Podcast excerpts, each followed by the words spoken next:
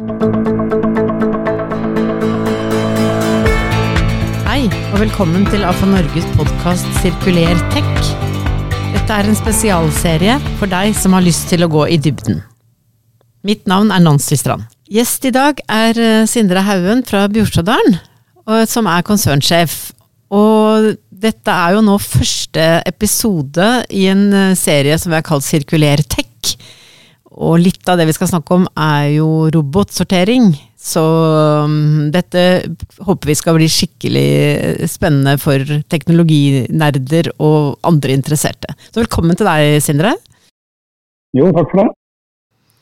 Du, um, altså aller, bare si bitte litt om Bjorstadalen. Hvor i landet er vi? Du, vi er uh, i uh, Skien, Porsgrunn, uh, Larvik. Ja. Det er ganske da er vi sånn Det Det, det er to, er to timer fra to timer sør for Oslo. Ja. Og en uh, time fra Kristiansand. Og de som, uh, de som, har vært med i bransjen en stund, de vil kanskje ikke primært tenke på dette som et robotanlegg, men, men dette startet som et deponi, gjorde det? Det startet, dette har vært et uh, veldig lokalt selskap som uh, har starta eller vært et, deponi, kommunalt eid, i over 25 år. Og vi starta egentlig å om, gjøre om hele selskapet i 2014. Uh, hvor vi skilte det ut fra kommunen og bygde om til et rent AS. Og da skilte vi også dette med husholdningsbiten som et eget separat selskap. At vi fikk rendyrket det som har med, med næringsavfall å gjøre. Ja. Og den, den 10. mars uh, i år, det var en stor dag for dere? Ja, da styra vi løs på uh, Norges første robotsorteringsanlegg for bygg, riv og restavfall. Noe som var veldig, veldig spennende. Eh, og det har jo gått ganske fort fra vi satte i gang bestillingen til anlegget sto ferdig. Vi starta bestillingen av anlegget seks-syv måneder før det var ferdig bygget. Det var jo egentlig ferdig i januar. Så brukte vi tiden fra januar og fram til mars på lære opp robotene. Ja. Og det skal vi si litt mer om. Men aller først, um, vi, har, vi, har, med oss eh, Cecilie Lind, som er administrerende direktør i AFA Norge. Og har jobbet i denne bransjen i ganske mange år etter hvert. Så, så hva vil du si, hva, hva liksom sier dette om, om, utviklingen i bransjen? Nei, Det er jo spennende at roboten er på vei inn i enda flere sammenhenger, og hos nye nye aktører. Det har jo vært roboter i, i eh, sving i bransjen i noen år, men det nye hos dere sider er vel at dere sorterer på det som du sa, bygg og riv og restavfall? Ja, vi har på en måte tatt tak i, i det alle prater om, og det er sirkulærøkonomien. Uh, og, og, det roboten klarer å ta ut, det er jo det er egentlig litt sånn som å gå tilbake i tid, hvor uh, vi hadde mennesker som sto på bånd og plukket uh, det de kunne finne av avfall. Uh, så nå har vi teknologi som kan lese av hva er det for slags avfall som, som kommer inn. Altså, kan skille på treverk, de kan skille på om det er malt, om det er impregnert. Og og rene fraksjoner. Og så er det vi som bestemmer egentlig og lærer opp roboten til hva er det vi skal plukke ut, hva kan vi kjøre tilbake igjen i, som, som rene produkter, som en råvare, og hva sender vi til forbrenning. Det er en kjensgjerning at det er, flere, det er, flere, ting som ikke er mulig å, å materialgjenvinne sånn som det er i dag. Men uh, hvis det åpner seg muligheter teknologisk uh, i løpet av et år eller to år, så kan vi også plukke det ut fra lære opp roboten til å, å ta ut de fraksjonene også. Så det er et, eh, det er et veldig fleksibelt system. Hva er det dere har bedt sorter, robotene sortere ut per nå, da? Ja, per nå så har vi eh, vært uh, satsa på å ta ut uh, treverk i, forskjellige valører. Uh, sortere ut uh, impregnert. Vi tar ut veldig mye plaster. Eh, der kan vi også lære opp roboten å ta ut PP, PE, PET. den har også en mulighet til å ta ut alt som er av sort plast vi har en egen fraksjon som, eh, som også er ren sortplast. Uh, og så tar vi ut uh, metaller. Tar ut rent jern og, og, det som er av metaller og ledninger og ting som ikke bør brennes eller sendes tilbake til, til ovnen. Vi har beregna en kapasitet sånn som vi har bygd anlegget nå, på ca. 30 000 tonn i året. Det er det vi har lagt opp til foreløpig. Det som er det fine med, med roboten, det er jo at uh, når vi er ferdig for dagen, så uh, kan vi fylle opp alt det vi har gjort ferdig, ferdig mat som roboten kan plukke. Det kan vi fylle i, i matkassa. Og så kan roboten stå og plukke hele natta. Sånn at uh, vi også har en traksjon ferdig plukka når vi kommer på jobb dagen etterpå. En av de store fordelene det er jo spesielt når det går til bytette strøk, hvor vi har et problem med å ha mange konteinere og sortere i konteinere. Så kan vi nå krympe det til antall konteinere øh, og, og, få en fraksjon som vi kan plukke rein og vi kan også levere et, eh, et regnskap på det som er plukket rein. Er restavfallet fra næringslivet, eller er det fra Det er fra næringsliv, hovedsakelig. Mm. Så det er ikke noe husholdningsavfall inne i anlegget per nå? Ja, Det kommer litt, men eh, det er ikke det vi har satset på.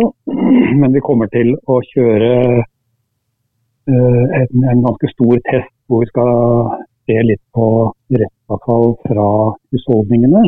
Der, der, er vi i ferd med å kjøre én test. Og eventuelt se på hva er mulig å, å plukke reint av, av en, en, sånn type fraksjon. Utfordringa med restavfall fra husholdningene er jo at det fortsatt er en del mat i, i fraksjonene. Har dere fått noen overraskelser i starten, da? Det har jo vært en kjent uh, problemstilling i bransjen at uh, Nye anlegg får alltid noen overraskelser? Et eller annet man ikke har klart å forutse? Ja, Hvordan har det gått? Det, det vil mange få. Uh, men denne teknologien som vi har kjøpt er egentlig kjent. Uh, har vært utvikla i de siste åtte årene. Det har vært lite problemer eller lite utfordringer. Uh, så den største utfordringen er vel egentlig å, å lære opp uh, roboten. For du får ikke, du får ikke kjøpt programvaren som, som, en ferdig opplært robot. Du må lære den opp på det avfallet som du faktisk uh, kjører gjennom selv. Men nei, Vi er kommet til at vi er ferdig med grunnopplæringen, men hele tida så er det jo en Avfall er ikke homogent. Og Der blir det hele tida en opplæring for å tilpasse og gjøre den enda bedre hele tiden. Vi er i dialog med leverandøren for også å se på om vi kan gjøre et samarbeid på å selge en ferdig programpakke også til de som ønsker å kjøpe et sånt type anlegg. Så at de slipper den perioden og uh, disse tre månedene på å lære opp robotene. Da har de som Kommer enda mer trimma? Ja, da får du en, en, en grunnpakke rett og slett som er ferdig opplært. Og så går det på å tilpasse til de forskjellige Det er jo mange anlegg som har forskjellige nedstrømsløsninger. Og som ønsker å plukke litt annerledes. Det med leverandøren er jo interessant. Jeg tenker jo, Kunne du fortelle litt om hvordan dere jobba med å ja, både velge leverandør, og hva det er å velge i der ute?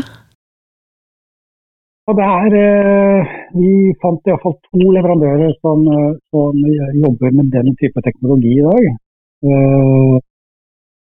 Og vi valgte Zen Robotics av flere grunner. Det ene er at de har lengst erfaring med den type problemstillinger med å plukke avfall, som er en utfordring.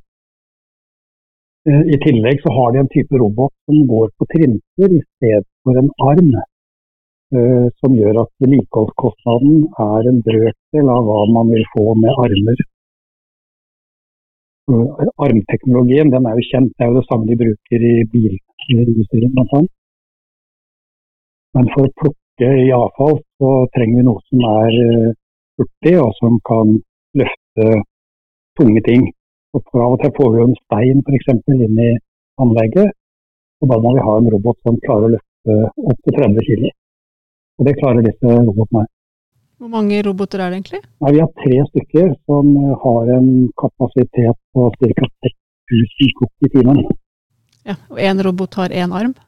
En robot har eh, Det er ikke en arm, det er, egentlig den går på trinser uh, som gjør at den beveger seg fortere. Uh, Dvs. Si at den klarer flere plukk per time. Og den er lettere å vedlikeholde av de som styrer anlegget her på plassen.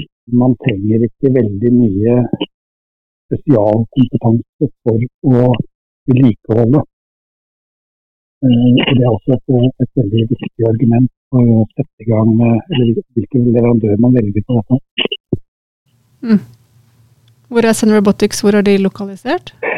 De holder til i Finland. Foreløpig har de brukt uh, Gitmark i Norge som en, uh, en agent for dette her. Uh, vi har hele tida valgt å ha en direkte kontakt med, med robotleverandøren. Fordi alt Er det feilmeldinger, er det et eller annet, så det, går dette på, på nettet. og denne Robotics har jo også en egen styresentral hvor de har kontroll på alle anleggene rundt i hele verden som de har satt opp. Sånn at de kan også gå inn og, og hjelpe til med feilsøking hvis det er det. Så det er en veldig, veldig god service uh, som, uh, som Cellerobotics uh, har overfor oss. Ja. Dere gjorde dette her midt under korona, da? Ja, det var jo det, det som Med leverandører i utlandet? det var jo ikke bare bare det heller, men i og med at veldig mye går via nettverk, og, og så gikk det jo bra, men vi fikk en forsinkelse på to-tre måneder for å få det opp. Nettopp pga. at det var midt i koronaens verste tid. Uh, vi begynte jo å montere dette her i, i uh, oktober-november i fjor. Og skulle være ferdig til, til desember. Uh, men det gikk en del uker til, fordi vi hadde folk i karantene.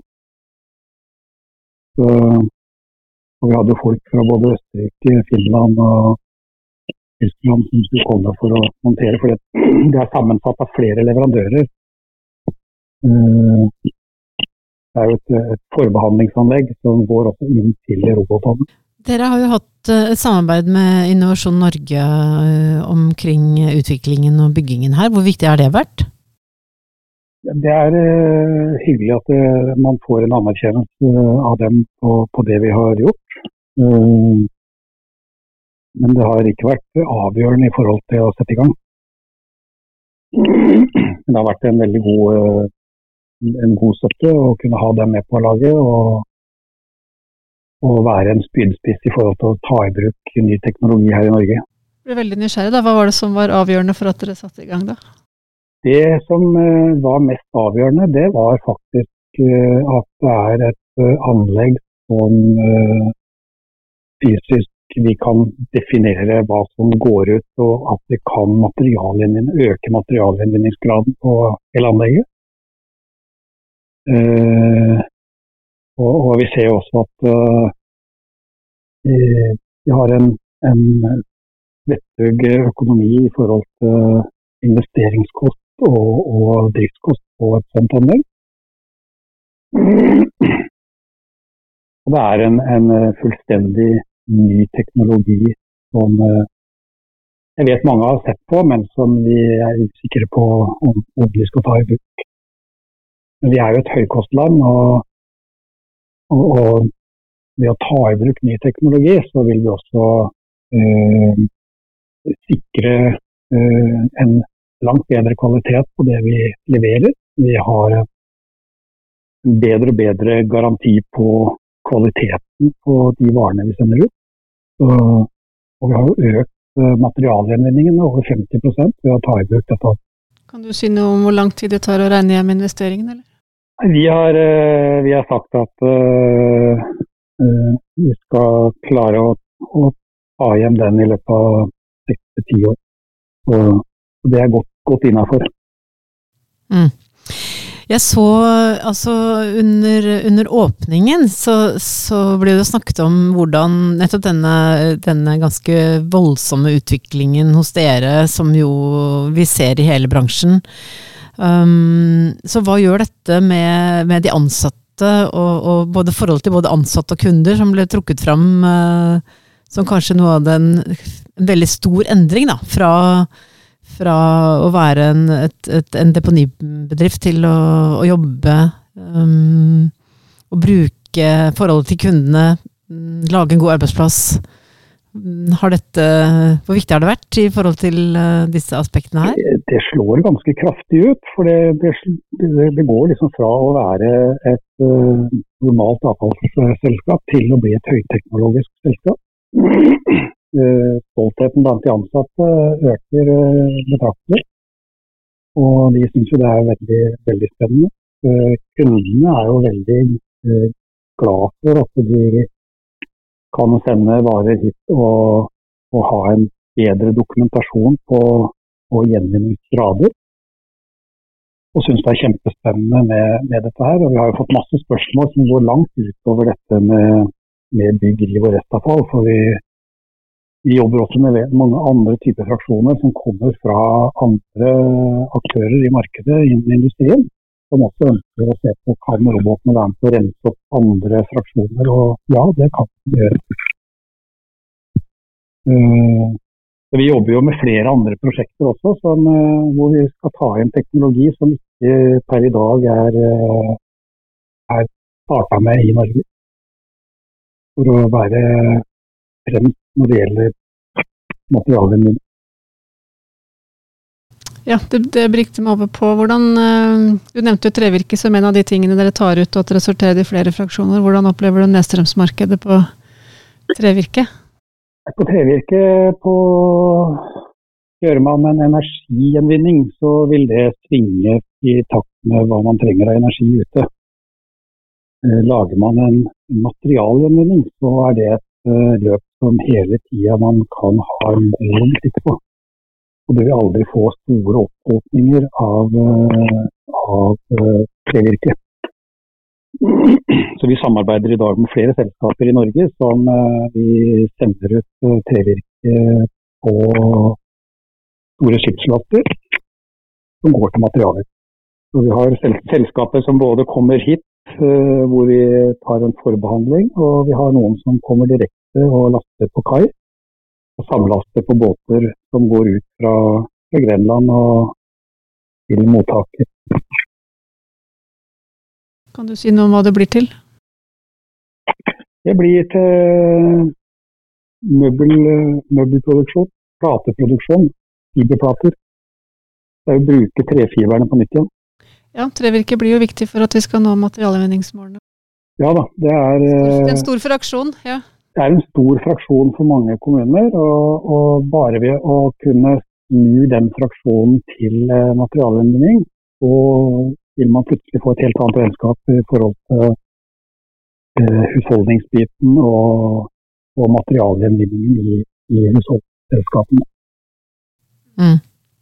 Men altså, opplever du at, uh, at du løper en, en, økt risiko også i forhold til priser i markedet? og Det har vært ganske store endringer i, i priser på råvaresiden? Ja, både ja og nei. Men uh, det å kunne ha en, en sikra kvalitet fra det som kommer ut, så vil vi også ha en bedre nedstrømsløsning på de varene som vi kjører. Det er klart at råvaremarkedet det, det vil alltid være i stor endring. Men det, det, viktigste er at du klarer å ha en uh, ren kvalitet. Og jo renere kvalitet du har, jo bedre muligheter har du for å kunne ta det tilbake igjen i, i systemet. Så det verste man gjør, det er jo å, å levere ting som er tilgrisa, og ikke å prøve å sortere ting som er tilgrisa fra før. Eh, da vil man redusere kvaliteten, og så vil man ha et problem med å få et nedstrøms- eller mottaksapparat som er interessert i å gjenvinne ting. Det første budet det er vel egentlig å, å, å hvert fall når du snur deg rundt husholdningsbiten, det å kunne være nøye på å lære folk å sortere hjemme. Og så vil du få renere og bedre fraksjoner, sånn at selskap som oss kan ta imot fraksjoner og bearbeide dem og få rene produkter som mulig ut til de som trenger råvarene. Så kildesorteringen er fremdeles viktig, selv om vi har roboten i sving? Kildesortering er viktig på husholdningsbiten. Eh, helt klart.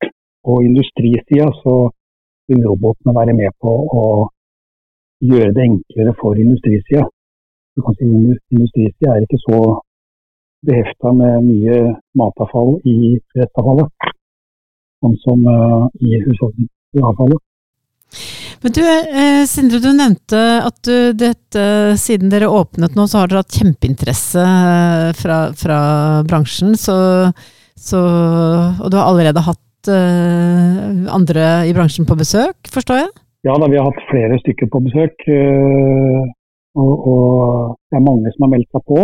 Uh, det går litt tregere pga. korona der også.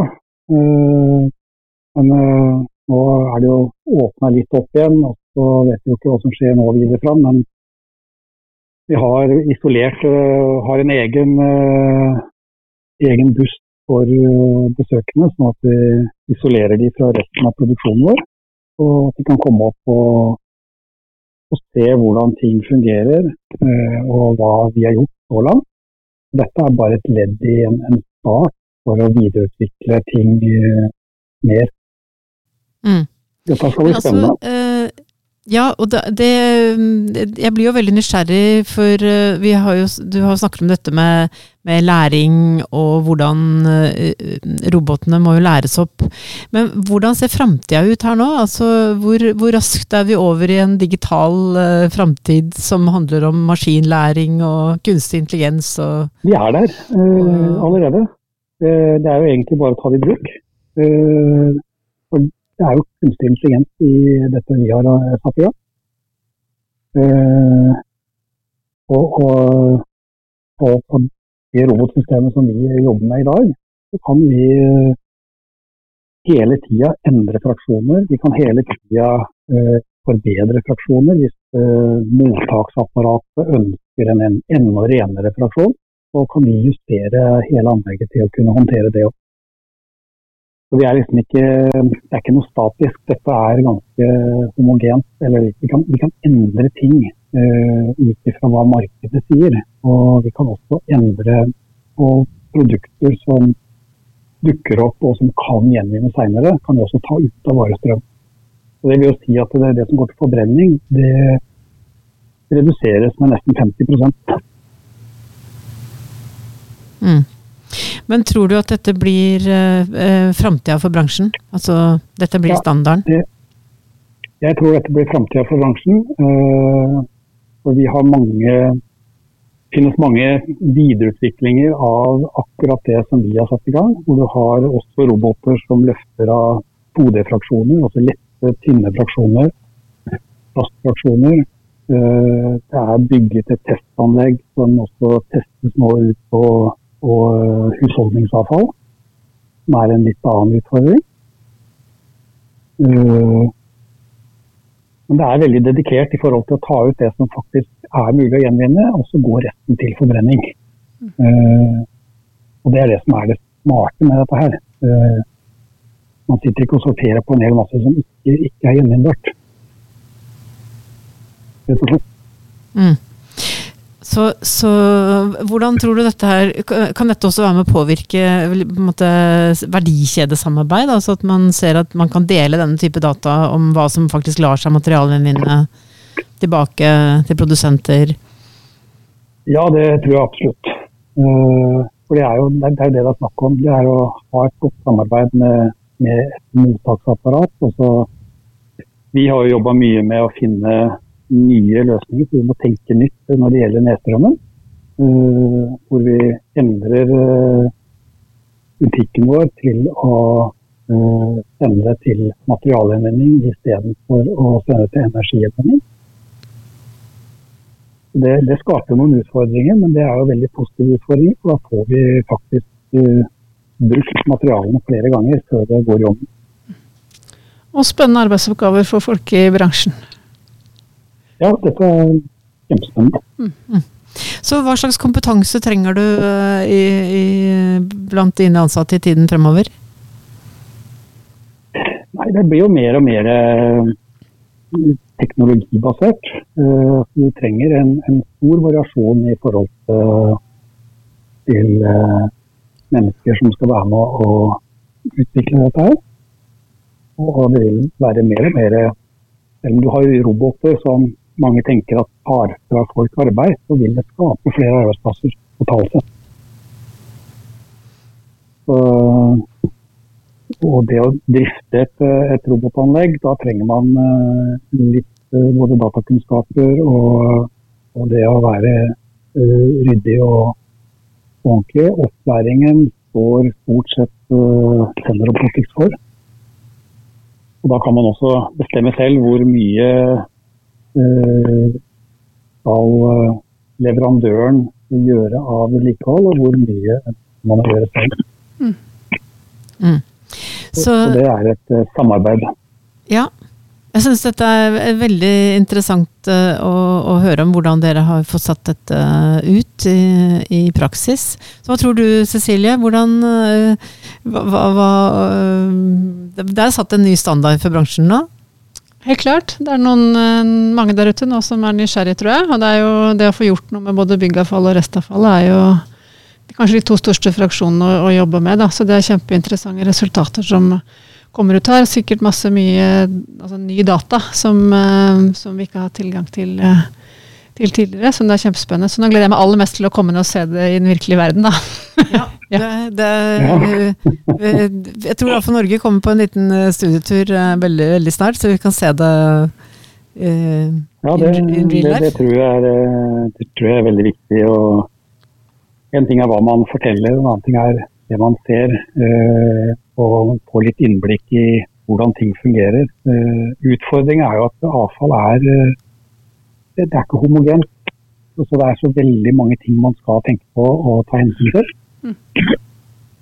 Så, så, det gjør at uh, det er mange utfordringer hver eneste dag på hvordan man skal håndtere forskjellige typer Sånn er den bransjen her. Det er det som gjør det spennende også. Så er det jo jeg som gammel HMS-sjef, så syns jeg det er interessant å høre du snakker om ja, både arbeidsplassperspektivet, men også det at, man, at folk får nye arbeidsoppgaver som er mindre kjedelige, mindre farlige Uh, og mer interessante og, og, givende, og som i tillegg gir mer materialgjenvinning. Så det er jo det er mange gevinster her. Ja, Det er veldig mange gevinster, og så er det én stor gevinst vi ikke har snakka om. Og det er uh, en, en fare som er i hele bransjen, og det er brannfaren. Som alle sliter med og er litt engstelige for. Mm. vi har også hatt en del branner som, som oppstår av både batterier og, og, litt forskjellige ting som kommer inn. Uh, men ved å plukke ting rent uh, umiddelbart, så reduserer vi også brannfaren. For da, da, får vi helt andre typer traksjoner å forholde oss til. Og Brannrisikoen på anlegget den, den, går jo ned også når man har en sånn type behandling av varen. Mm. Ja, det er veldig interessant. Det er jo et, definitivt et tema som vi har, uh, har på agendaen. Og robotene kan vel forhåpentligvis hjelpe oss her også, over tid. Mm.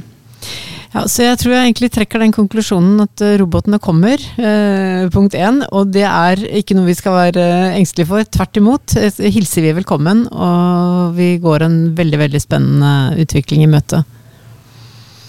Så Sindre Haugen eh, Sindre Haugen, tusen takk for at du eh, ble med i, i podkasten i dag. Jo, bare hyggelig. Så da ønsker vi lykke til videre med, med, med anlegget, og så snakkes vi. Det gjør vi helt sikkert. Ok, ha det godt. Bra. Takk for meg.